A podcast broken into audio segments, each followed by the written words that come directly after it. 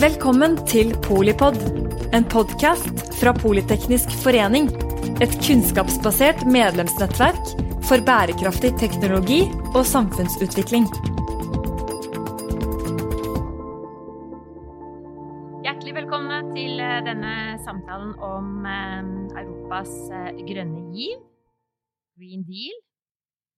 Det er en omfattende lov om eh, det karbonnøytrale Europa i 2015 og en masse andre ting som vi skal lære om i dag. Spesielt velkommen til dere to i studio. Dere kjenner det både nasjonale og internasjonale energi- og klimapolitikken veldig godt. Vi har med oss eh, Julie Vedege, som er leder for eh, politikk, eierskap og klima i Statkraft. Og Statkraft er også medlem av Politeknisk forening. Så har vi gleden av å ha med Espen Barth Eide, som eh, eh, nå er da stortingsrepresentant for Arbeiderpartiet og partiets energi- og miljøpolitiske talsmann. Julie, hva er denne grønne given for Europa? Hvilken betydning får den? Ja, jeg tror eh, at Green Deal er kanskje noe av det mest positive som har skjedd på klimafronten i verden siste tiden. Og det, det trengte vi jo, på en måte. Så kan man på en måte si at det fortsatt er litt tidlig, men allerede nå så mener jeg det er klart at dette eh, handler om en sånn dyp, sam, sånn omgripende eh, samfunnsplanlegging i grønn retning. Um, ikke sant? Og det dreier seg jo, den favner setter klima egentlig i sentrum av alle sektorer. Det er jo bygg, eh, transport til lands og til havs. Det er jo landbruk. Eh, måten vi produserer plast på, og, og, hvordan vi skal organisere samfunnet.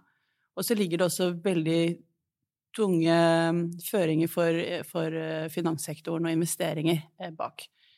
Um, så fra et energi- og klimapolitisk ståsted så gjør Green Deal med EU så gjør Green Deal tre ting. Det ene er at man liksom forsterker det som EU har lykkes veldig godt med. Man forsterker det å sette høye klimamål for 2050, karbonnøytralitet, men også et veldig uh, tydelig høyt klimamål for 2030, som ikke er så, uh, så lenge til.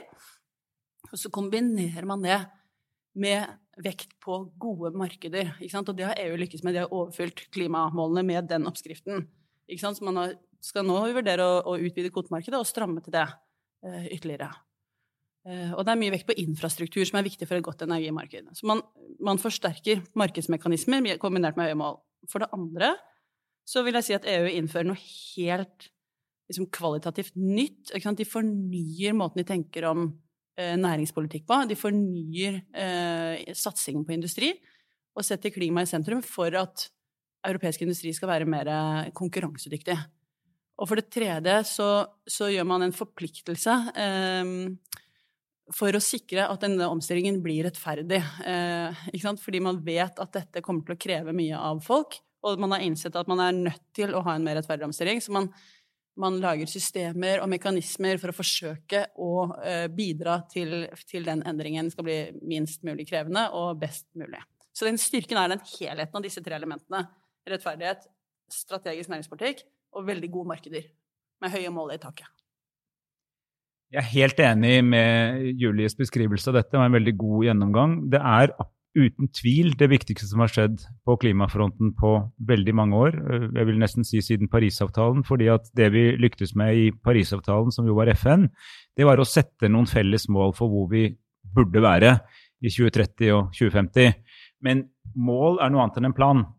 for fordi det EU nå tilfører, er å si at det skal vi gjøre, men vi skal bruke absolutt alle verktøyene i verktøykassa i tillegg til noen nye som vi finner opp, i en retning. Så dette er aktiv industripolitikk, en retningsgivende industri- og næringspolitikk. Det er et mål for samfunnsomveltningen med konkrete planer. Og det som nå sildrer ned fra, fra den overordnede visjonen om, eh, om en grønn giv, eller Green Deal som de kaller det, Eh, så er det en veldig, eh, veldig ambisiøs og radikal klimalov, men også veldig mange konkrete tiltak i alle sektorer, hver eneste sektor, hvor man ønsker å oppnå to, tang, to ting samtidig. Altså massive, målbare kutt i utslipp, en mye høyere grad av gjenbruk, altså sirkulærøkonomi, fornybarhet i det hele tatt, på den ene siden, med en aktiv satsing på å bli teknologiledende i mange av disse nå fremvoksende bransjene. Slik at dette er også et løft for Europas industri og teknologi og samfunn. Og vi i Europa, og vi er jo europeere vi også i, i Norden, vi i Europa har jo tross alt, da, med alle våre feil og mangler, kanskje de samfunnene som er best egnet til å løfte i flokk. Altså, vi har sterke velferdsstater, vi har høy tillit, vi har samfunn som henger sammen, og en aksept for at det som skjer i dette hjørnet, har konsekvenser i det andre hjørnet. Derfor rettferdighet og sånn. Så jeg tror at dette vil være, bety mye bra for Europa, mye bra for klimakutt, men også for utviklingen av de løsningene som hele verden etter hvert trenger for å kunne nå målet om gode liv uten utslipp og uten rovdrift på naturen. Så jeg er veldig inspirert av det. Og så er det jo viktig å si med en gang at dette er jo ikke noe som skjer et annet sted. Altså, vi er jo med på dette. Altså, vi, er, vi er selvfølgelig med i EØS-avtalen, det er jo gammelt nytt, men vi har jo også en omfattende klimaavtale med EU, hvor vi for flere år siden bestemte oss eh, med et massivt flertall i Stortinget eh, om at vi, vi, skal altså koble vår klimapolitikk tett opp til EUs. Og nå begynner den å bli veldig konkret. Det er veldig bra og positivt, men vi må ta inn over oss alle som en som jobber med sånt i Norge, enten vi jobber i bedriftene eller i politikken eller eh, andre steder i samfunnet, at det kommer nå en strøm av regler som blir mye tydeligere og tøffere og mye tydeligere krav. Altså tiden for grønnvasking er over. Vi kan ikke lenger leve av grønn konferansekraft. Altså, nå er det på tide å handle, og EU eh, vil hjelpe oss til å sette de håndfaste målene for hva er det som er reelt grønt. Altså hva er reell grønn vekst, og hva er grønnmalt grå vekst. Og det, eh, det er bra, men det kommer til å merkes, og det kommer til å bite. Det, er jo, det du nevner, er jo sant, dette store eh, systemet som, som, ble laget og godkjent før, før Grønn giv ble eh, sendt ut fra kommisjonen, eller presentert for kommisjonen, nemlig altså, taksonomi, som antageligvis best kan liksom, tenkes på som et slags sånn bærekraftsklassifiseringssystem. Eh, som gjør at du, du, rett og slett må, må, kategorisere investeringene dine. Når du foretar en investering, så må, så må den kategoriseres. Og det er jo det Espen snakker om nå, at det er jo veldig vanskelig for, for selskaper å kunne snakke om at de er klimavennlige da, uten faktisk å være det. sånn at vi kommer nok til å se en veldig driv på um, krav til dokumentasjon. ikke sant? Krav til transparens på hva du faktisk leverer. Og det tror jeg blir veldig interessant, hvordan det kommer til å arte seg hos norske bedrifter. Det er noe som heter på og det, Akkurat dette klinger best på engelsk. Det heter at 'what counts is what's being counted'.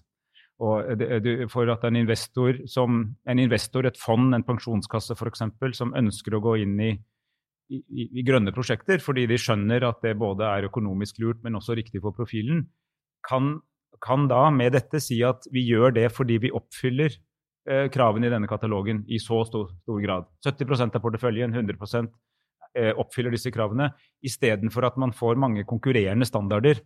Fordi risiko nå var jo Det er nesten jeg, jeg er nesten ingen jeg møter i næringslivet som ikke har lyst til å fremstå som grønn og moderne og innovativ. Eh, og godt er det, altså ære være det. Men, men, men det, var, det, var, liksom ymse forklaringer på hvorfor det akkurat jeg gjorde, var grønt.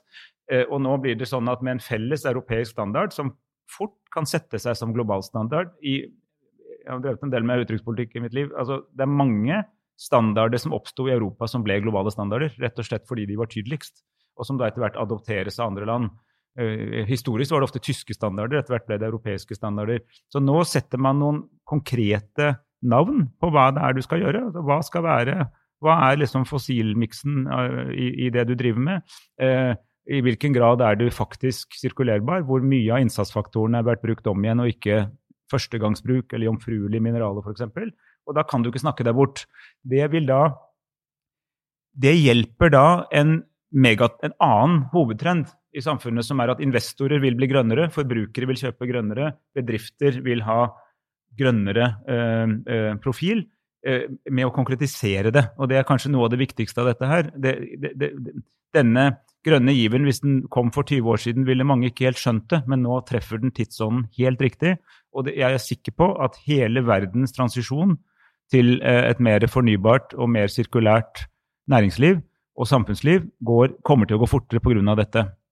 Og så er det én god nyhet til. Nå skal vi ikke bruke mye tid på USA, kanskje, men det er jo faktisk sånn at Kamala Harris, som nå er kandidat til å bli visepresident og faktisk godt kan ende opp bli valgt sammen med sin sjef Joe Biden, er jo en av de som uh, har gått sterkt inn for den opprinnelige tanken om en, om en, uh, Green New Deal. Fordi begrepet Green Deal oppsto ikke i Europa, men hos demokratene i USA. Uh, Alejandria Ocasio-Cortez f.eks. Og disse var jo de som først begynte å skrive om det som en idé for hvordan Amerika kunne både bli mer klimavennlig, men også mer industri, altså reindustrialisere Amerika og skape mer rettferdighet gjennom en helhetlig plan. Så hvis, og her, det skjer mye på neste to og en halv månedene som vi ikke vet, men hvis Biden og Harris blir valgt, så vil du fort se at begge de store vekstøkonomiene i Vesten vil ha hver sin, og til, sannsynligvis ganske sammenfallende planer for massiv statlig støtte til et industriskifte. Og da tenker jeg at Norge som et solid plassert vestlig land trenger å følge med i timen, og ikke bli hengende der ute med de som ikke har fått dette med seg.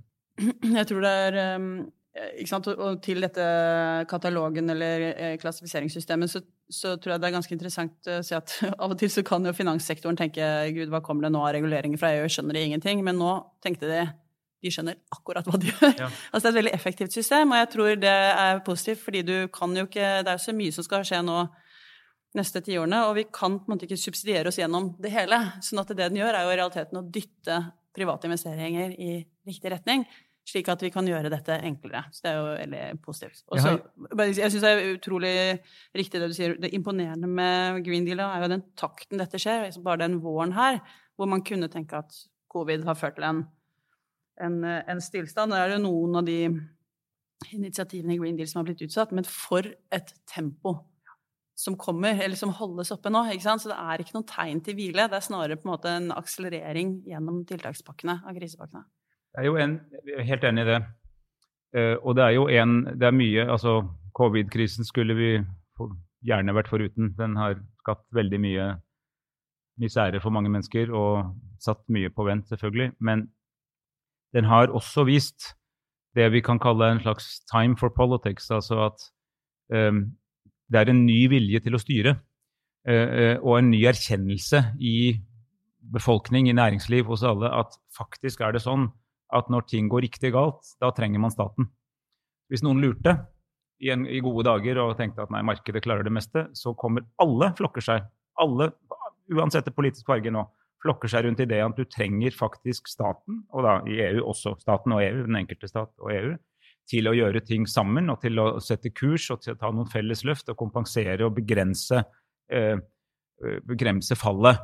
Og det er jo det er mange problemer i Europa etter covid, men hvis du sammenligner et, omtrent ethvert europeisk land med land som USA eller Brasil, eh, som har en helt annen type ledelse, så ser du jo at vi har en helt annen evne til å håndtere dette i fellesskap. Det er helt andre både, altså Sykdomsbildet er helt annerledes, og eh, de politiske konsekvensene er helt annerledes fordi man faktisk har samfunn som henger sammen.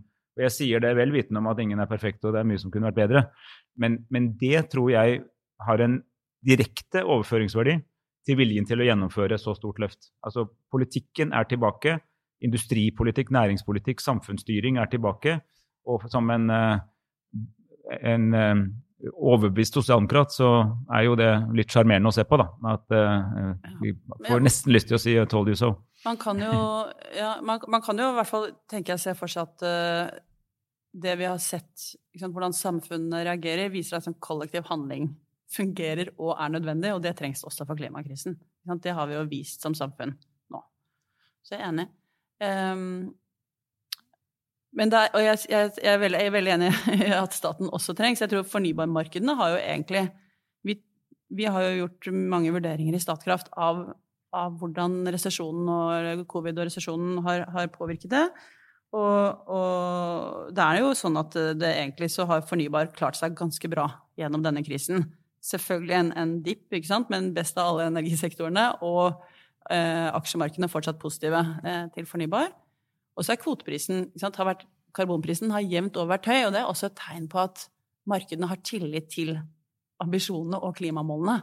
Så, og der, sant, Markedene lener seg selvfølgelig på politikken, og, og, og særlig nå så trenger vi liksom Markedene går så raskt, men, men, hvis det skal gå raskt nok til å nå klimamålene, så må du ha ganske mye politikk inn for å gjøre dette.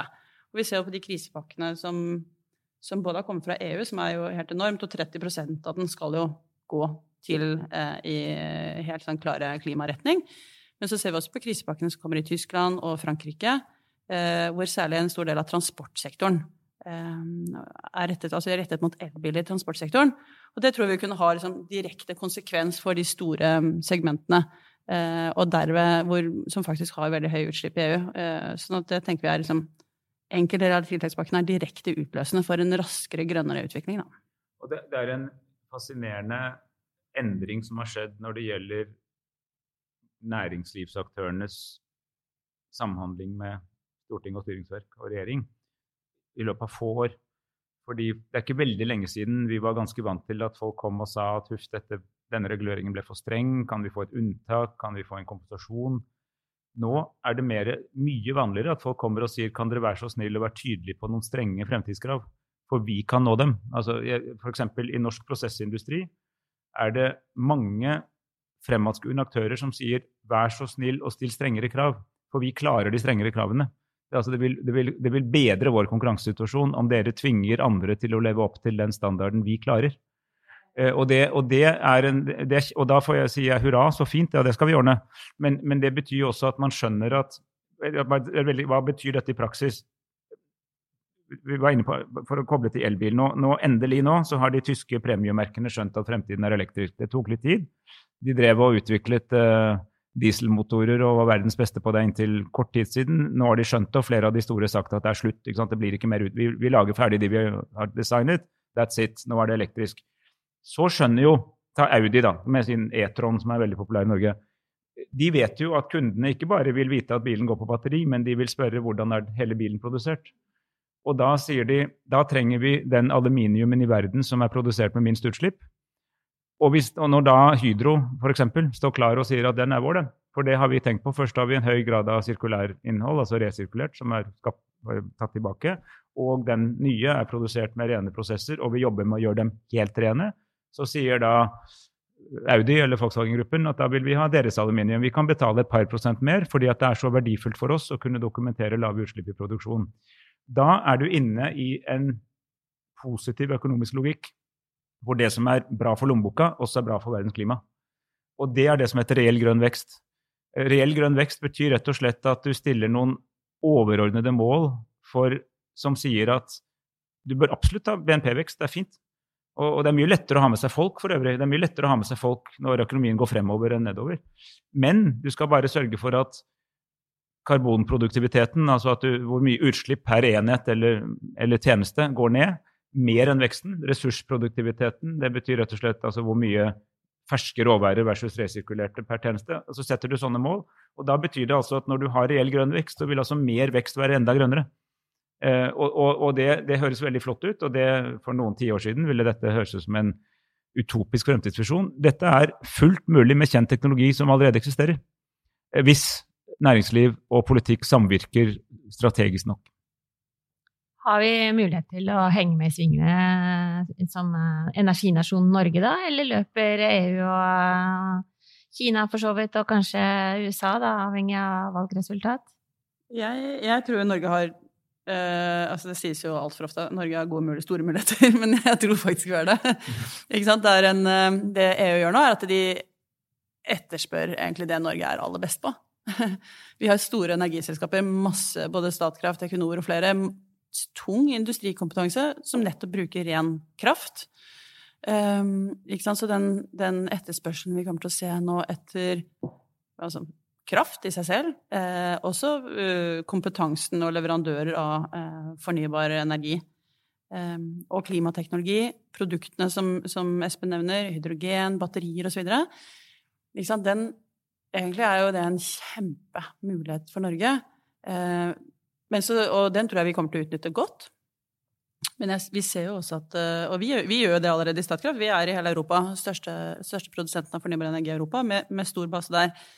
Men, hvis, men, jeg tror også det er sånn at de målene EU setter seg nå, er eh, såpass raske. Hvis du ser på enkeltsegment, klare mål for hydrogen innen 2024, klare mål for 2030. Og det er ikke så lenge til. Og antageligvis også batteriutviklingen i Europa går veldig raskt dersom EU skal ha mer selvforsyning på disse, disse områdene.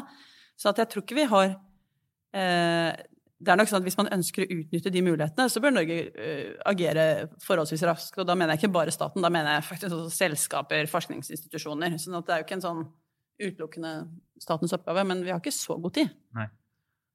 Det, jeg, jeg, jeg, jeg, er 100 enig. Altså, vi ligger veldig godt an i forhold til at vi egentlig har den kompetansen, de kompetansemiljøene, de industrimiljøene som kan de tingene som nå etterspørres. Og vi skal være veldig tydelige på at veldig mye av det har vi pga. oljealderen. Altså vi, eh, en, en, annet, en ting er kraft og sånn, som er viktig, og sentral styring av ren strøm. Men også f.eks. Når, når, når Europa nå kommer til å etterspørre mye mer havvind, så trenger du noen som kan bygge plattformer som kan få dem til å posisjonere dem, som, som, kan lage avanserte kabler som holder i ekstreme værforhold. Eh, og veldig mye av dette er akkurat det vi kan. Så, så, egentlig, hvis du skulle finne opp et land i teorien og si hva slags leverandørindustri vil du helst hatt for å gjøre disse tingene, så er svaret Norge. Det er den, og det er en veldig god nyhet. Men så er den samme gode nyheten også en utfordring. fordi enn så lenge så går det jo relativt bra i det vi har pleid å gjøre.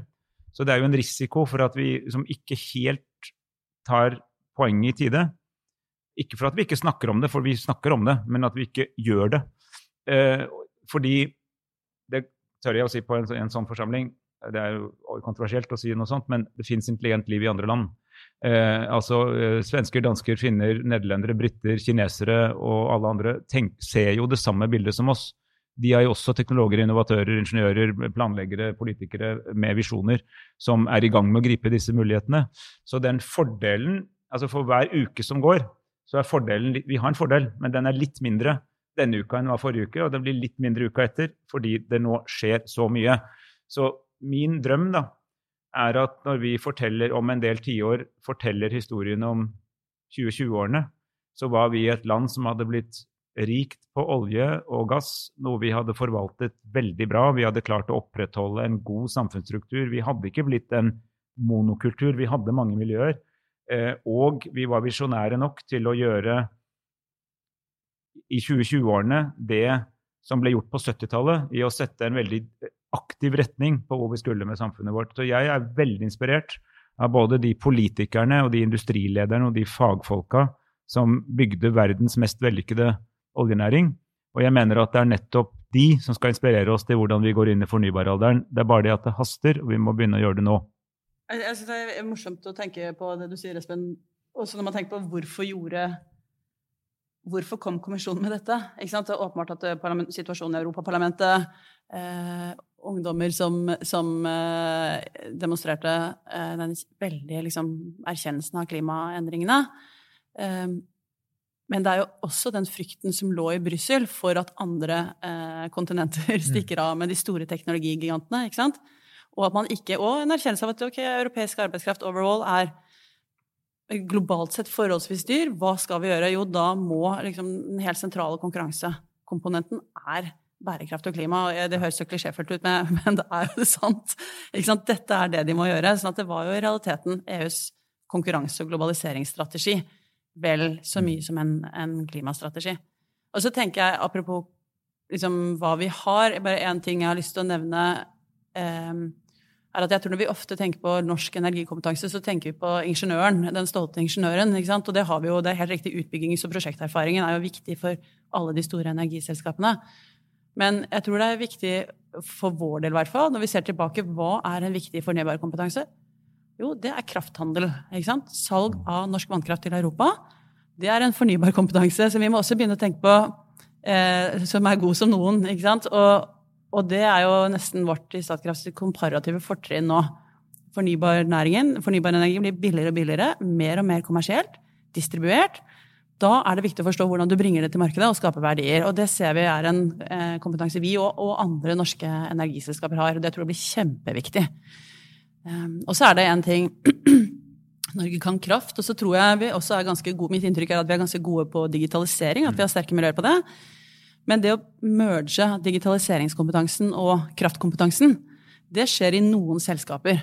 Ikke sant? Det skjer hos oss, det, det skjer sikkert i Agder, Hydro og Equinor og hva vet jeg. på en måte, Men men på universitetene så tror jeg sant, å, å, gjøre det til et mye større grep, og få disse to eh, kompetanseklyngene til å henge sammen, det tror jeg må skje i større grad i universitetene og forskningssiden. Så det er jo et eh, sted man kan tenke på litt i Norge, eller en oppgave man kan ta for seg.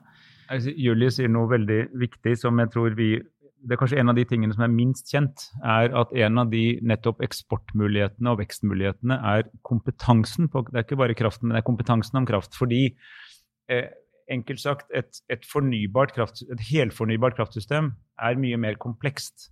Det krever mer, mer teknologi, mer samarbeid, mer hjernekraft. Eh, fordi du skal, du skal ha ulike kilder som skal balanseres mot hverandre. Og spørsmålet er ikke lenger hvordan får du nok kraft, for det får man. Det kommer helt sikkert til å skje. Men hvordan får du nok kraft på riktig tidspunkt til riktig kunde? Det er mye mer krevende. Altså Kullkraftverk, bokstavelig talt. Du får noe kull inn i en ovn, du køler på, og lager damp, lager strøm akkurat hvor du vil. Svær forurensning. Andre fossile tilsvarende. Øh, du kan legge det hvor du vil, bare få varen. Men vannkraften er der vannet er, og solkraften er der solen skinner, og vindkraften er der vinden blåser. Og, og, og, og, du må balansere dette på en ny måte. Og det vil da være Der kan kunstig intelligens og stordata hjelpe oss, fordi du får en helt annen forståelse av eh, kom, nært forestående kundeatferd, for du ser mønsteret. Du kan, både, du kan jobbe med lagring, du kan flytte litt på bruken uten at det gjør noen ting for meg for kunden. Jeg, er for eksempel, jeg vil gjerne ha varmt vann i dusjen når jeg dusjer, men det er egentlig samme for meg når det blir varmt. Altså det, kan noen, det kan en datamaskin ordne for meg. Eh, eh, for å ta et eksempel. Og, og, det gjelder veldig mange. Store industribedrifter er fullt i stand til å klare seg noen sekunder uten all strømmen, og kan være et omvendt batteri gjennom å få penger for å akseptere en kortvarig utkobling f.eks.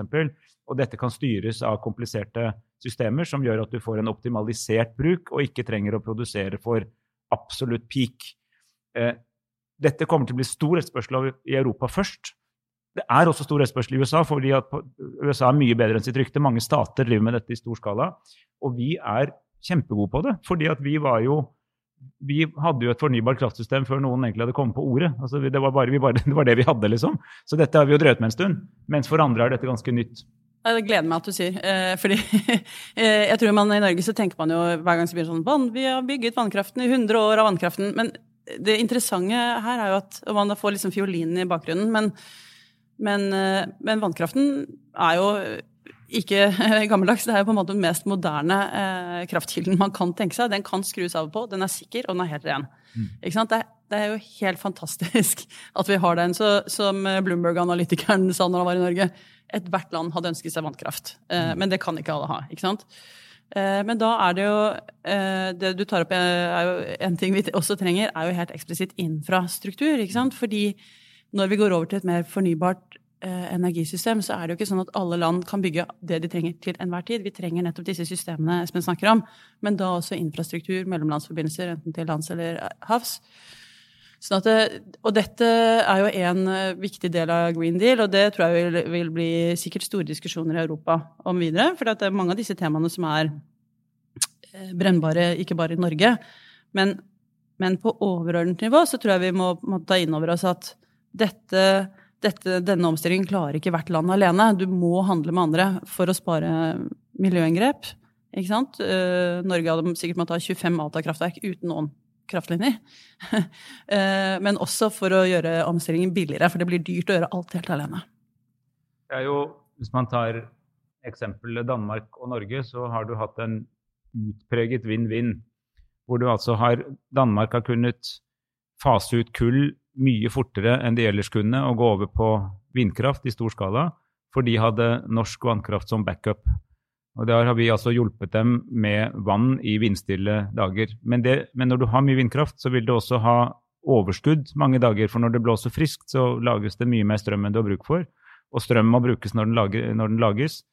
Uh, og Derfor har vi også kunnet importere en, enorme mengder med kjempebillig, nesten gratis dansk vind. Eh, som gjør at Norge har kommet til en situasjon hvor vi i relasjon til Danmark har kjøpt billig og solgt dyrt. Som jo er altså alle som driver med handel, er en drøm. Eh, men vi har også gjort det på en måte som Danmark har tjent på. For de har oppnådd et annet mål, nemlig avkarbonisering av sitt kraftsystem.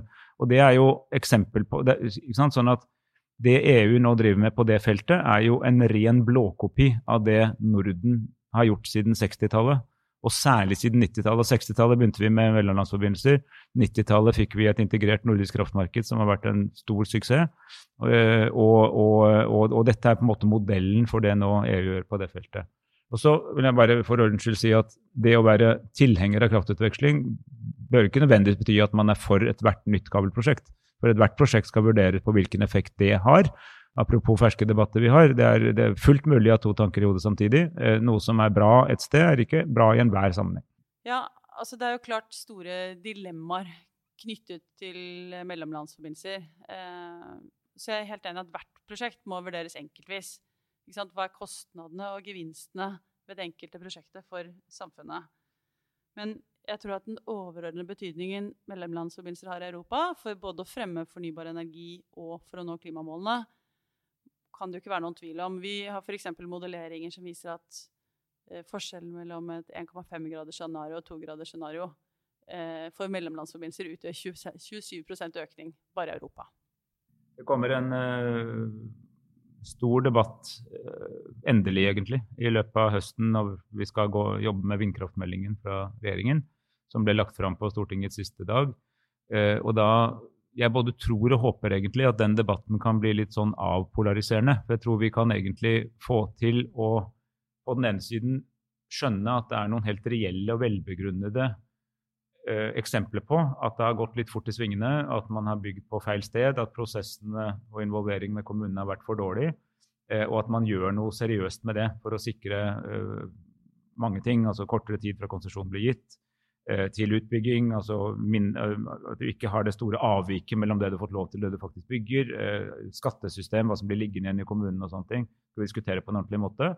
Og Det vil nok sette en viss bremser på utviklingen. Men uten å bikke over i den motsatte grøfta om at liksom dette er noe som skal, som vi ikke kan gjøre mer. Fordi det er altså absolutt sant at Norge trenger mye mer ren strøm. Altså vi, vi, det er en grunnleggende misforståelse i mange miljøer, merker jeg, som, er, som tror at vi er en helt ren energimiks. Nei, vi har ikke det. Vi har 50% av energien i Norge er fossil. Eh, kraften i strømmen er stort sett ren, det er riktig. Men, men, energi er jo summen av all energi vi bruker. Og når vi skal altså bytte ut fossilkjøretøy med elkjøretøy og fartøy og fly og, og sånne ting når, når, industri skal bytte ut eh, gass med mer eh, kraft f.eks., så må vi altså opp i volum. Og det er det egentlig bare to svar på. Enten produserer vi mer selv, eller så importerer vi mer fra utlandet. Men vi skal ned i fossilbruken. Og det har vi forpliktet oss til sammen med andre land, og det kommer til å skje. Så vi kommer til å måtte trenge mer kraft i Norge, og så må vi ha en klok politikk på hvordan vi kommer dit. Ja, den, nordiske, altså den norske kraftbalansen eh, som Espen snakker om, den er jo veldig tett integrert med de andre nordiske landene. Eh, og derigjennom mot Europa. Så det er klart mest relevant å snakke om kraftbalanse i Eh, et nordisk perspektiv. Og, og, dagens utvikling peker på at det er et betydelig kraftoverskudd i Norden og, og også her hjemme. Um, men på den annen side så er det helt klart sånn at konsesjonssystemer som for vindkraft, det må stå seg over tid. Det må stå med skiftende kraftbalanser og skiftende eh, politiske holdninger, som vi særlig har sett en endring i på vindkraft. Og det er kjempeviktig helt enig med Espen, det er kjempeviktig at vi får et forutsigbart konsesjonssystem på plass, som regjeringen har lagt fram nå. Um, som sikrer at vi som utbyggere og produsenter får forutsigbarhet, og som også gir lokalbefolkning uh, den samme forutsigbarheten. Um, så vi trenger et system som på en god og enkel måte kan Eller enkel blir det neppe, men som på en god og åpen måte klarer å se er dette uh, prosjektet Har det stor nok samfunnsnytte til at det bør bygges? Uh, og som også klarer å si har det, uh, er det så sterke miljøhensyn som taler mot at det ikke bør bygges, som veier disse hensynene mot hverandre. Og så er det, som Espen helt riktig sier, omstillingen framover vil jo handle mye om å ta den fornybare kraften i bruk. Um, og da er jo ikke det bare spørsmålet har vi nok kraft eller ikke nok kraft. Det er nesten like mye spørsmål, eller det er enda mer et spørsmål antageligvis, om den jobben som må gjøres faktisk i disse sektorene, industri og transport, når det gjelder klare hva skal til for å få til hydrogen? Klarer vi elektrifisering i disse sektorene? Det som Nå nevnte Julie hydrogen, og jeg tror at, av, at vi har snakket mye om havvind og sånn. Jeg tror kanskje at en, en, av de virkelig, virkelig store mulighetene for Norge er å tidlig bli store på hydrogen. Og da mener jeg hydrogenproduksjon, hydrogendistribusjon, hydrogenbruk. Eh, Rederiforbundet i Norge, med hele bransjen bak seg, har sagt at i 2050 skal det ikke Ingen norske redere skal ha et eneste fossilt skip. Men det er 2050. Det, ja, ja, det er sikkert den nye ledelsen i Rederiforbundet i 2050. Men så sier de at siden skip varer gjennomsnittlig 20 år, så betyr det at vi skal ikke kjøpe noen etter 2030. Og da er vi, altså, da er vi det under ti år, det nå. Til at norske redere ikke skal kjøpe et eneste skip som går på fossilt. Da jeg hørte om det først, så tenkte jeg wow, det der er et litt hårete mål. Men så ser jeg da at hvordan den type utsagn i Norge og andre land stimulerer jo nå fremveksten av teknologi for hydrogen, altså ren hydrogen, ammoniakk, øh, hybridløsninger mellom kanskje det og batterier på fartøy som skal langt. Og da gjelder det i shipping, som kommer til å gjelde på veien, det er at mindre ting, biler, privatbiler, blir elektriske. Sannsynligvis omtrent alle sammen. Eh, veldig store ting, tunge lastebiler, eh, blir eh, for andre energibærere, f.eks. hydrogen. Og så får teknologien og markedet avklare hvor møtepunktet er mellom mindre og større. Eh, ferger blir elektriske, men skip som skal over verdenshavene, vil gå på hydrogen eller ammoniakk eller noe derivater av det i nær framtid. Og, og, det bygges nå. Vår skipsnæring kan ha dette som en fantastisk mulighet. Eh, de sliter jo nå med fallende interesse for rigger og sånne ting. De er en fantastisk mulighet til å være tidlig på hvis vi legger til rette for det. Vi kan produsere hydrogen både fra overskuddskraft, men også for, fra konvertert gass. og Det betyr at her har måte kraftbransjen og oljebransjen egentlig funnet hverandre i at hydrogen er bra for alle. Eh, og, vi, og, vi, vil klare å lage et, et, et um, distribusjonssystem. Og så kan man spørre hvorfor skal jeg som politiker bry meg om det, fordi hvis det er så åpenbart, så vil jo markedet fikse det. Nei, poenget er at her må en hel verdikjede opp og stå parallelt. Du må ha samtidighet. fordi hva i all verden skal du produsere hydrogen for hvis ingen vet hvordan man bruker den? Eller, eller hva skal du lage et hydrogenskip for hvis det er umulig i praksis å få, til, få tak i hydrogen? Og hva hjelper det at noen kan bruke den eller lage den hvis du ikke får den fram til kunden? Du må lage en verdikjede og nå står vi i en situasjon hvor vi, har, vi, skal gjennom et ganske stort skifte. Hvor mange ting som var, erstattes av noe som skal bli. Og da trenger du altså at samfunnet trekker i lag. Og det er ikke snakk om at staten skal gjøre alt dette, eh, men det er på en måte som et orkester med og uten dirigent. Altså Du kan ha veldig gode musikere, eh, men hvis ikke dirigenten forteller dem hva de skal spille hvilket tempo de skal spille i, eh, og, og passe på at cymbalene kommer på riktig tid, så, blir det ikke så bra. Så det vi egentlig trenger, er mer orkestrering.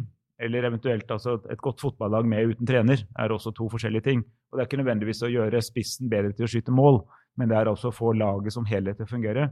Og der tenker jeg at spesielt i tider hvor mye skal bli annerledes fort, så trenger du altså en slik aktiv, målrettet politikk for omstilling. Og der hjelper EU oss, og det var jo det som var inngangen her. Eh, det er egentlig en gavepakke til Norge at så mye av dette skjer i Europa, fordi det gir oss et tydelig bud på hva vårt fremste hjemmemarked etterspør i fremtiden. Eh, det hjelper oss. Det gjør at det er lettere å sette mål, fordi vi setter mål mot en standard. Og det andre er at eh, man får etter hvert et ganske detaljert regelverk på hvordan dette skal oppnås. og Det gjør at vi slipper rett og slett mye vi, slipper unna en del ting vi ellers måtte gjøre selv, fordi at veldig mye av dette er så bra at det eneste fornuftige er å implementere det hos oss. Men når vi ikke trenger det, kanskje er vi da innovative nok? Og altså, referanse til vi hadde forrige episode, så hadde vi om eh, Grønn skipsfartsprogram, som samlet samler maritim næring på tvers av verdikjeden. Um, har vi en sånn plan for, uh, på energisiden? Eh, jeg opplever i hvert fall at uh, aktørene snakker mye mer sammen enn før.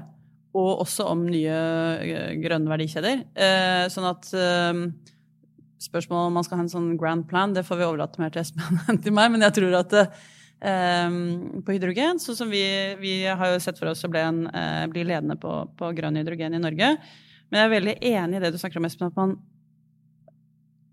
liksom, vi tenker at det er behov for både blå og grønn hydrogen. Vi tenker at hydrogen er helt nødvendig for å nå avkarbonisering.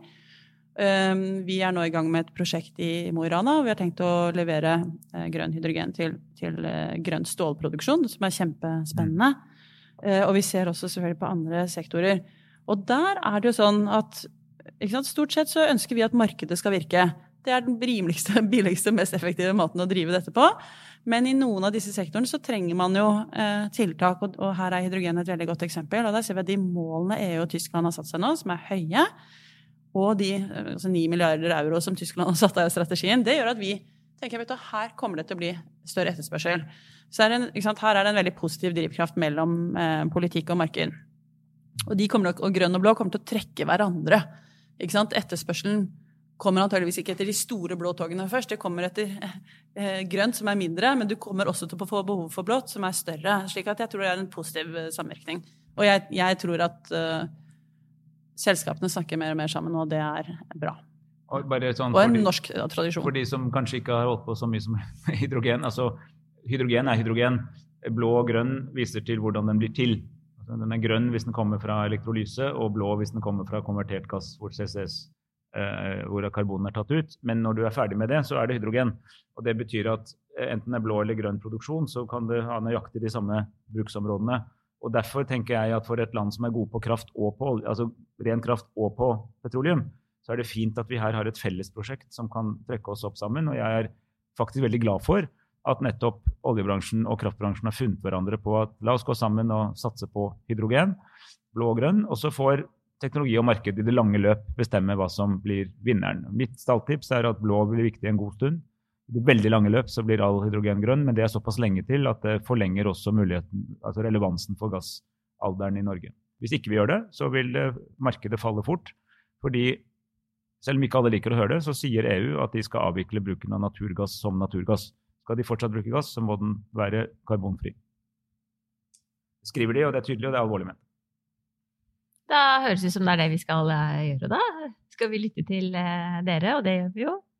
Tusen eh, hjertelig takk for at dere deler både innsikt og inspirasjon og, fremtidsoptimisme på vegne av både Norge og, det internasjonale samfunnet. Det er et um, Altså, det europeiske rammeverket, rammeverket for utvikling av energi- og klimamarkedene kalt European Green Deal. Europas grønne giv.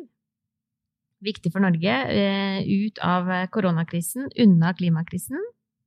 Takk, Julie Vedege, visepresident for uh, politikk, eierskap og klima i Statkraft. Tusen takk, Espen Barth Eide, stortingsrepresentant for Arbeiderpartiet og energi- og miljøpolitisk talsmann der. Men også takk til deg som lytter til Polipod når du vil og hvor du vil, og nå kanskje med litt eh, ekstra energi.